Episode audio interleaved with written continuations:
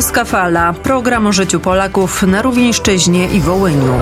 Wiadomości o ukraińsko-polskich relacjach międzynarodowych. Polska murem za Ukrainą. Trzymajcie się. Razem zwyciężymy.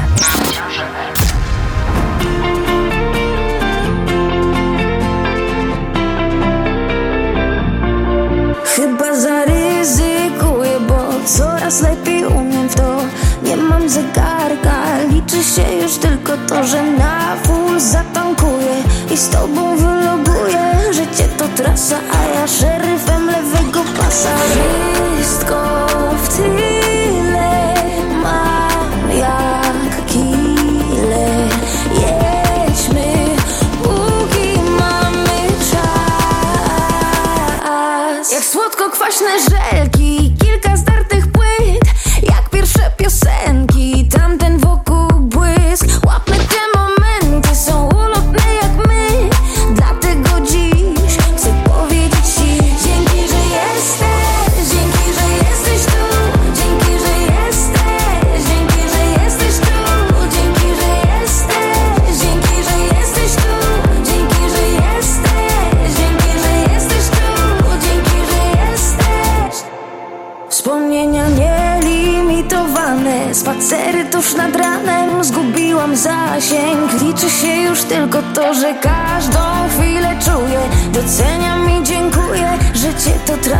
w głośnikach A na deser macza.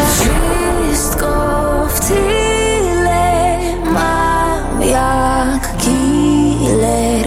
Jedźmy Póki mamy czas. Jak słodko-kwaśne żelki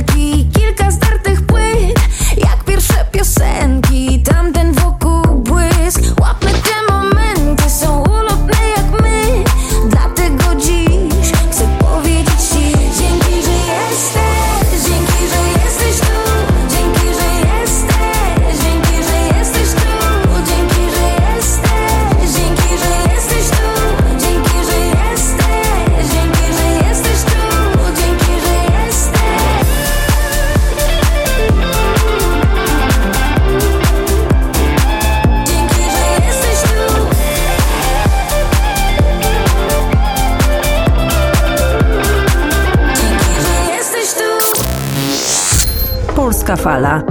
Вітаю, добрий вечір, шановні панство. Біля мікрофона Андрій Конько і маю честь запросити вас на новий випуск польської хвилі. Програма присвячена Польщі, полякам України, а також темам пов'язаним із польсько-українськими стосунками.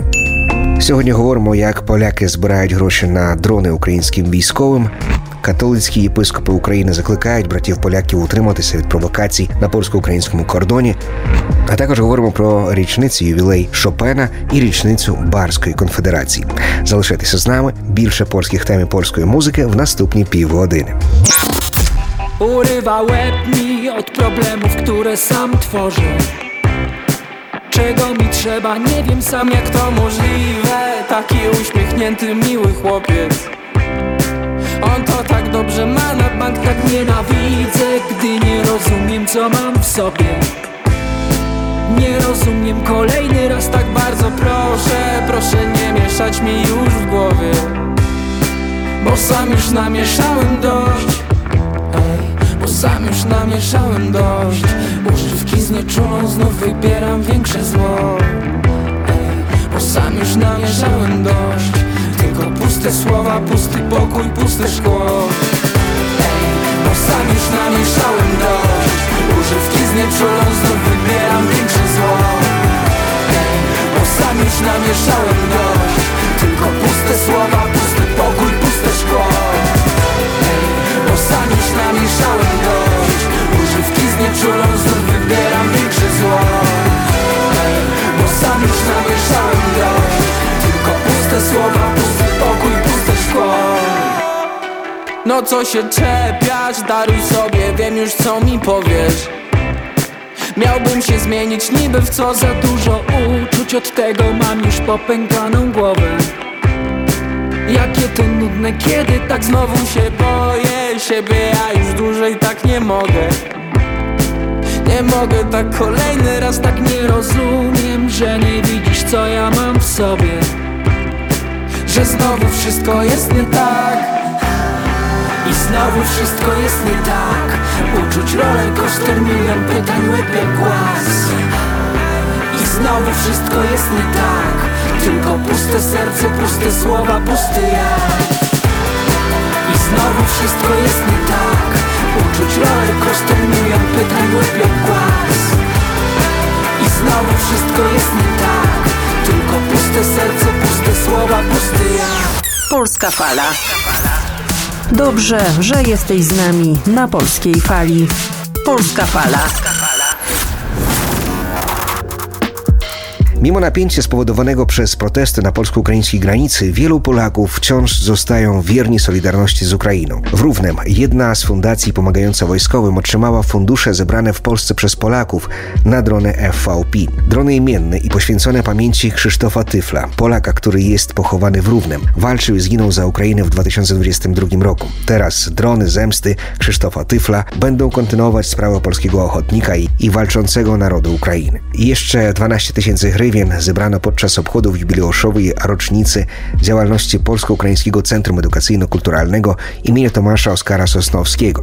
Ну, є така організація е, «Рівне- відповідальні українці, і то є дуже поважна е, організація, яка дуже опікується е, військовими, і збира, і ну такі люди, е, які мають е, добре серце і мають е, пеньонзи, і вони збирають, і, е, і доєднуються до того і, і інші люди. І акурат ми теж так постановили, що хотіли би таки зробити свій харитативний внесок в нашу, нашу, ту- та, в нашу звичайство наше і купуємо ті іменні дрони, помсти так звані за Кшиштофа Тефеля. І уж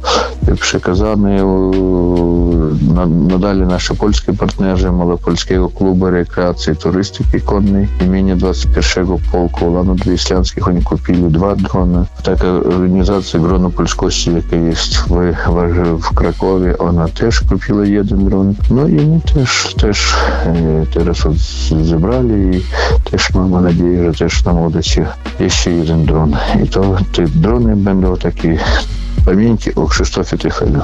Opowiada prezes Centrum Edukacyjno-Kulturalnego im. Tomasza Oskara Sosnowskiego Jarosław Kowalczuk. Polsko-Ukraiński Sojusz Tomasza Padury rozpoczyna wiosnę nowym projektem poświęconym współpracy seniorów. Najświeższy projekt UPSA, kompleksowe wsparcie dla naszych osób w późnej dorosłości z Równego i z Lubunowa, już się zaczął. Dziękujemy za wsparcie Konsulatu Generalnemu Rzeczypospolitej w Ludzku. Czekajcie na ciąg dalszy w planach rozwój osobisty, trening pamięci, zajęcia artystyczne, a na koniec przedstawienie teatralne. Napisała na swojej stronie w Facebooku prezes organizacji Ukraińsko-Polskiego Sojuszu Tomasza Padury Ewa Mańkowska.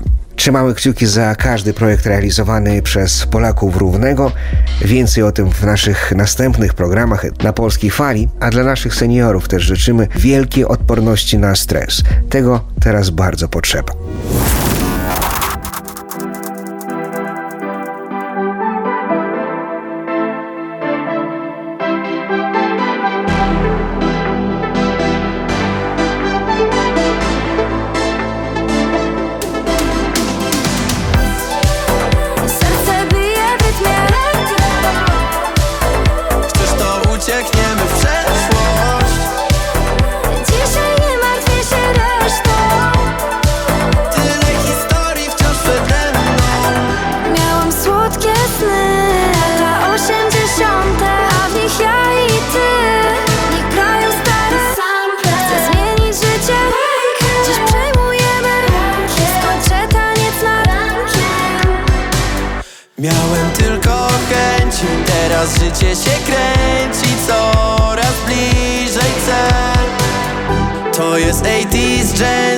Każdy z nas chciał być wielki Dziś spełniamy sen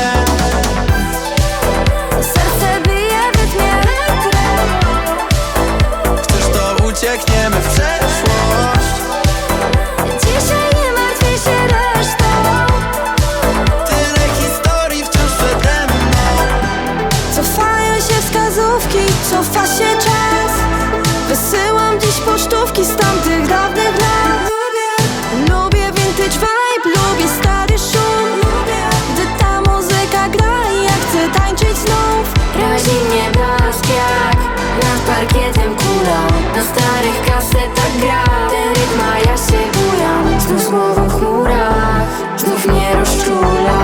Zdjęcie z tych lat Stary świat Czuje mi jak ula. Serce bije w rytmie Chcesz to uciekniemy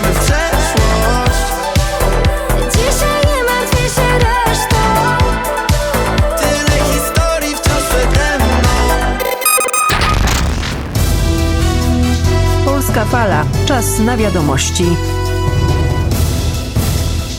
Вітаю, друзі, на польській хвилі. Далі час новин. Польські фермери, які блокують кордон з Україною, зрозуміли, що їхні протести використовує Росія для розпалювання розбрату між українцями і поляками. Про це розповів заступник міністра економіки України Тарас Качка в етері телемарафону. Він зазначив, що перекриття кордону є шкідливим для польської економіки також, і навіть більше ніж для української. Тим часом Римо-католицька церква України часто асоціюється із Польщею. А зараз у відповідь на зростання напруги через методи польських протестувальників на польсько-українському кордоні, висипання зерна і все решта, римокатолицькі єпископи опублікували звернення до братів поляків. Радянська окупація приходить спочатку через свідомість. Це було після жовтневої революції, аж до Криму і Донбасу. Змінилися не лише засоби пропаганди. Я не знаю такої вільної Польщі із цих жахливих світлин. Це скоріше настрої початку гібридної війни на півдні та сході України. Там псевдогромадяни теж нібито за щось воювали. Не вступаючи в політичну полеміку і відстоювання інтересів олігархів, треба лише визнати, що демократичні страйки вже перетнули червону лінію за сценарієм. Нехай Бог дасть Польщі та полякам дар мудрості за своїм духом, аби відрізнити обмани лукавого. Того ж самого я прагну для української влади і народу. А ми вдячні за солідарність, яку ще відчуваємо від польського народу. Молимося і боремося, аби війна не прийшла також на польські землі і не нищила на ній збіжжя та людей, як це росіяни роблять в Україні. Такі слова містяться у зверненні єпископа Київсько-Житомирської дієцезії Римокатолицької церкви Віталія Кривицького до братів поляків. Fala. Представники України та Польщі проводять переговори щодо розблокування кордону. Поки про повне закриття кордонів для торгівлі не йдеться. А слова прем'єр-міністра Польщі Дональда Туска про закриття кордонів з Україною могли бути передчасними. Так коментують заяви польського прем'єр-міністра у Варшаві. А на українській правді вийшов матеріал Михайла Ткача про природу протестів польських аграріїв, а також що на відміну від українського зерна до Польщі продовжує заїжджати російське збіжжя, а також вкрадене росіянами на українській землі зерно. Єдине, що можна сказати точно, сьогодні польська ізоляція українського сільського господарства вигідна власне Росії, і не лише через те, що Кремлю вигідні будь-які українські негаразди, і навіть не через те, що Москві вигідні негаразди України з ключовими партнерами під час повномасштабної війни, а й не в останню чергу, тому що агропродукцію з України Польща замінює російською. Тим часом Європейська комісія ухвалила два правові акти, які відкривають Польщі доступ до фінансування ЄС на суму до 137 мільярдів євро. Очікується, що перший транш у розмірі 6,5 мільярдів євро Варшава отримає впродовж наступних чотирьох тижнів. З цієї суми фермери отримують майже півтора мільярди євро. Про це повідомляє сайт Єврокомісії. Наразі польські фермери продовжують блокувати рух вантажівок на шести пунктах пропуску: це Угринів, Ягодин, Устилух, Раваруська, Краківець та Шигині. 1 березня фермери повністю заблокували пропускний пункт Шигині. Вони не пропускали вантажівки ні на виїзд, ні на в'їзд. Також частково перекрили Ягодин. Прем'єр-міністр України Денис Шмигаль заявив, що питання розблокування кордону з Польщею має бути вирішене до 28 березня. Інакше Україна залишає за собою право застосовувати дзеркальні заходи на пунктах пропуску на польсько-українському кордоні. Як поляки, але громадяни України, ми сподіваємося, що цей конфлікт навколо польсько-українського кордону, його блокування, який росіяни намагаються перетворити на польсько-українське протистояння, і Польщі Україні все таки вдасться розрулити мудрими рішеннями, і польсько-українське партнерство зміцнюватиметься та триватиме далі. Dowiedz się więcej na Polskiej Fali. Від політики до історії уже за мить говоримо про видатні річниці, пов'язані із е, значними постатями, а також подіями у польській історії.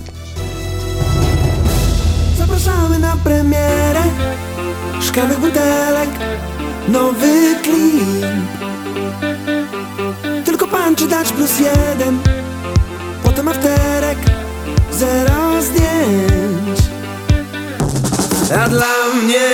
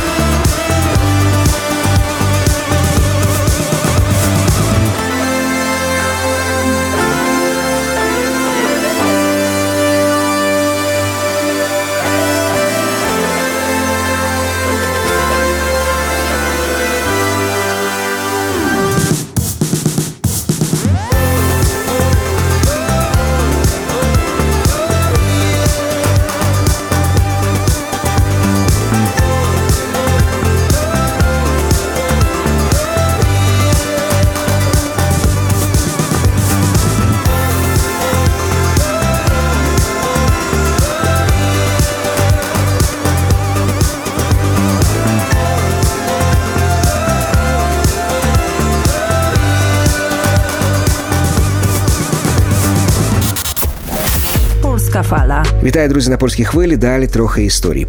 1 березня минула річниця народження видатного польського композитора, генія музики, з яким асоціюється польська музика. Фредерик Шопен.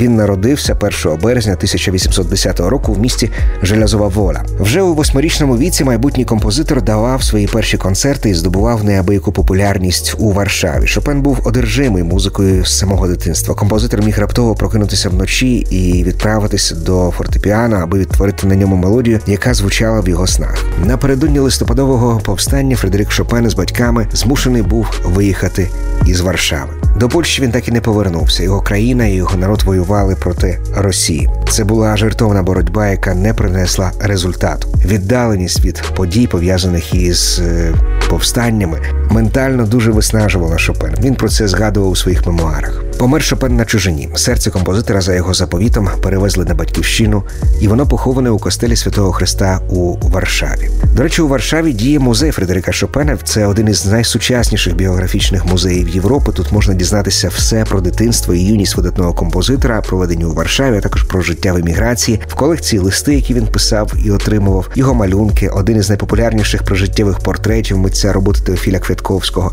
зліпок руки композитора та безцінні пам'ятні речі. Золотий годинник, подарований ще десятирічному Фредерикові на знак визнання його таланту, брелок з його ініціалами, шпильки для корсажу та фортепіано, на якому Шопен грав останні два роки свого життя. Якщо будете у Варшаві, обов'язково завітайте в музей Фредерика Шопена. Ну, а цього тижня випала річниця початку антиросійського повстання на Поділлі. Так звана Барська конфедерація у 18 столітті була тим військово-політичним об'єднанням польської шляхти і римокатолицького духовенства, яке було спрямоване проти короля Станіслава Августа Понятовського, протеже Катерини II, а також проти втручання Російської імперії у внутрішні справи Речі Посполитої та українських земель, які тоді до неї належали. Повстання тривало 4 роки. і Увійшло в польську історію як символ боротьби, хоч і безнадійний. Барську конфедерацію проголошено 29 лютого 1768 року в костелі міста Бар поблизу Вінниці з ініціативи польської аристократії. Барську конфедерацію проголошено 29 лютого 1768 року, тобто 256 років тому. Безпосереднім приводом до виступу конфедератів стало підписання польським королем Станіславом Понятовським 17 лютого 1768 року під тиском російського уряду трактату про зрівняння в політичних правах католиків із некатоликами, а також зухвала поведінка російського посла Рєпніна. Той викрав представників Сейму із лідерів антиросійської опозиції і вивіз їх аж до Калуги. Лідери конфедерації усвідомлювали, що не тільки воюють проти російських військ, які перебували в Речі Посполиті, але й розв'язують громадянську війну, оскільки мали зіткнутися ще й з військами вірними королю Станіславу Августу. Незабаром виявилося, що проти конфедератів повстали українські селяни, підбурювані росіянами проти шляхти та євреїв. Їх очолив запорізький козак і російський підданий Максим Железняк. Це повстання, яке отримало назву Коріївщина і охопило значні території правобережної України, значно підкосило барських конфедератів на території сучасної України. Боротьба конфедератів проти царських військ згодом поширилася на території цілої Речі Посполитої, тобто охопила і території українські, і польські, і литовські та білоруські.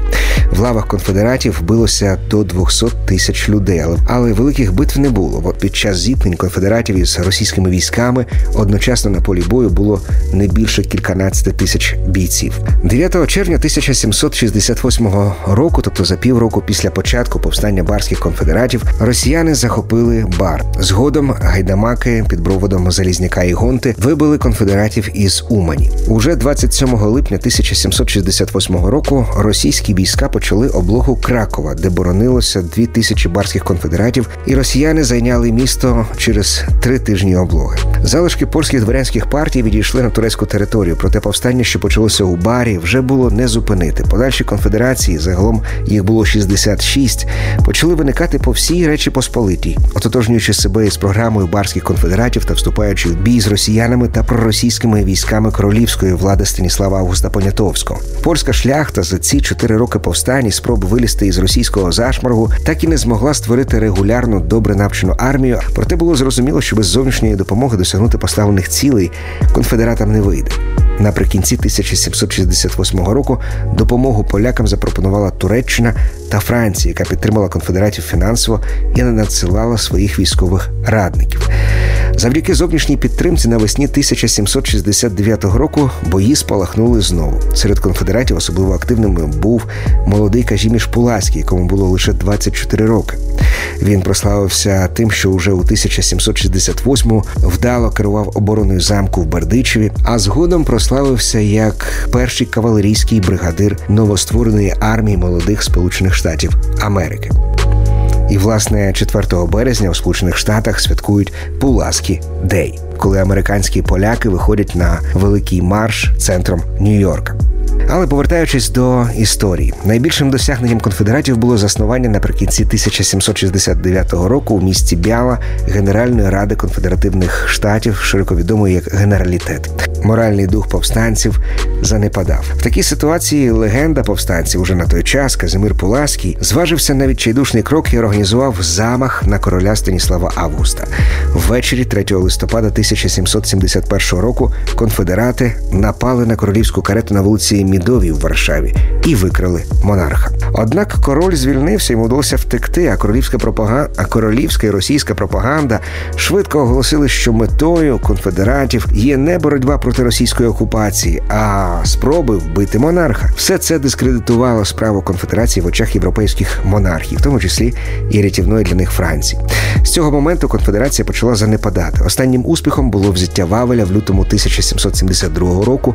Однак незабаром послідували подальші катастрофи: поразка під Лянскороною, Тиніць і поразка під Ченстоховою. Таким чином, барський рух остаточно зазнав краху. Безпосереднім результатом поразки Барської конфедерації став перший поділ Польщі у 1772 році. Барську конфедерацію багато істориків досі вважають першим незалежницьким повстанням польського народу. Друзі, час нашої програми добігає кінця. Ми прощаємося ненадовго. Нагадаю, що слідкувати за інформацією, а також музичними новинками польської фалі можна на нашому ютуб-каналі Поляці Рувінщизни, також на нашому Фейсбуці Польська Фала. Також запрошуємо на наш сайт ruvne.pl.ua.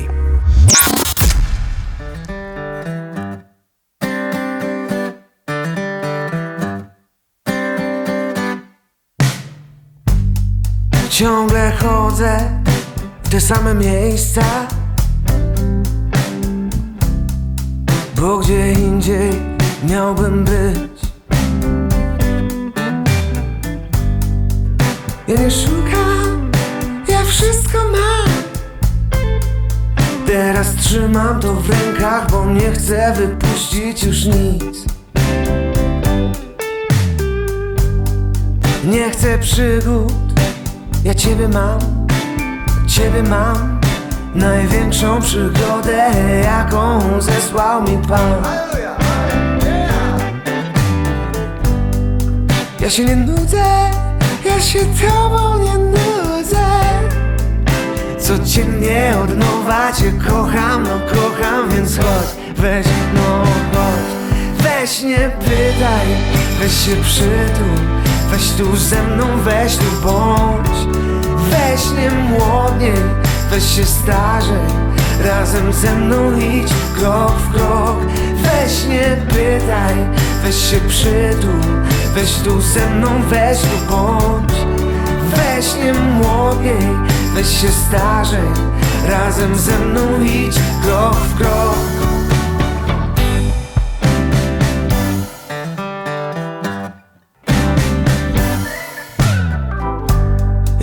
chcę wolności, chcę miłości Miłości, wolności Ja nie chcę miłości, tak dużo mi daj Weź, no daj.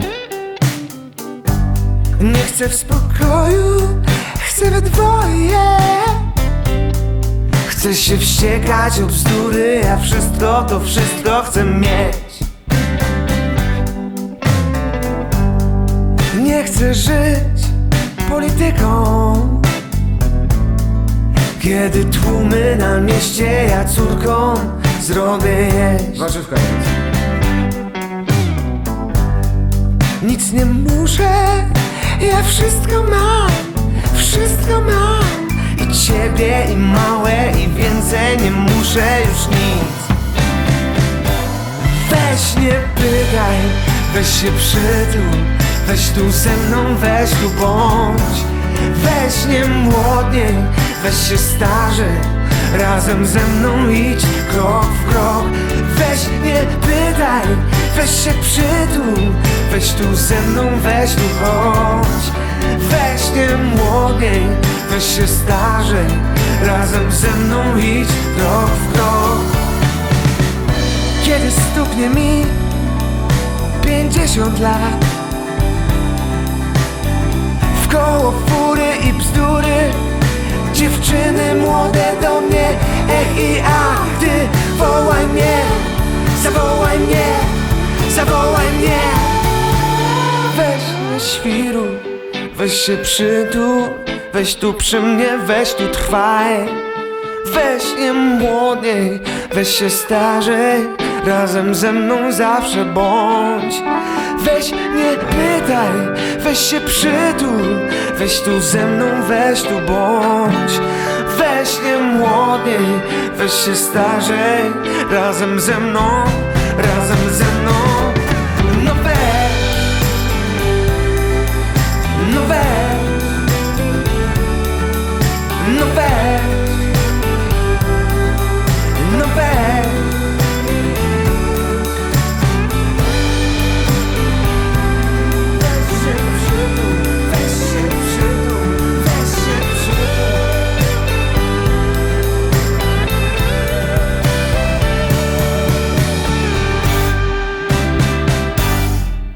Projekt finansowany ze środków Kancelarii Prezesa Rady Ministrów w ramach konkursu Polonia i Polacy za granicą 2023. Projekt Polskie Media na Ukrainie 2023-2025 realizowany przez Fundację Wolność і Демократія. Публікація виражає лише погляди авторів і не може бути ототожнювана із офіційною позицією Канцелярії прем'єр-міністра Республіки Польща та фонду Свобода і демократія.